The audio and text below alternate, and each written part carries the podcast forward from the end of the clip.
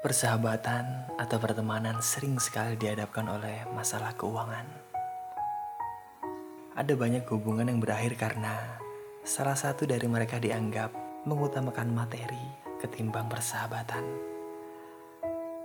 Seperti bila salah satu teman berhutang dan seakan-akan lupa membayar, giliran ditagi malah marah-marah. Hal seperti ini, kejadian seperti ini, saya yakin sering terjadi di kehidupan kita sehari-hari. Mungkin kamu juga saat ini sedang mengalami hal serupa, entah sebagai penghutang atau sang pemberi hutang. Episode uang atau persahabatan, Move on down podcast.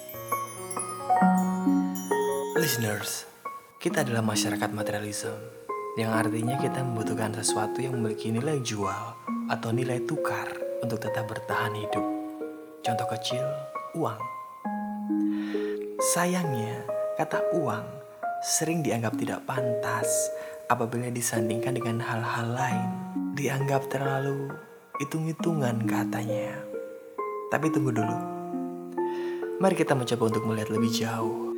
Banyak di sekitar kita yang menggantungkan hidup mereka hanya untuk mencari lembaran 2000 dan 1000 rupiah. Mereka mengumpulkan lembaran-lembaran dari keringat mereka dari pagi hingga tengah malam Lembaran-lembaran kertas yang kita anggap tidak seberapa itu ternyata mampu menyelamatkan kehidupan beberapa keluarga. Tidak jarang kita melihat orang-orang menangis karena tidak mendapatkan sepeser pun dari hasil keringat mereka. Dan tidak jarang juga kita melihat orang menjadi sangat uring-uringan karena tidak bisa makan. Ada sebuah kejadian di mana saya melihat dua orang teman saya tidak bertegur sapa selama berminggu-minggu. Saya mencoba untuk menelusuri apa yang sedang terjadi. Ternyata salah satu dari mereka tidak bisa bayar hutang dan merasa tidak enak hati. Hingga akhirnya dia selalu menghindar dari teman saya. Sementara yang satunya lagi sebenarnya juga tidak enak hati. Dia ingin berkunjung, dia ingin menegur teman saya tapi takut dikira menagih hutang.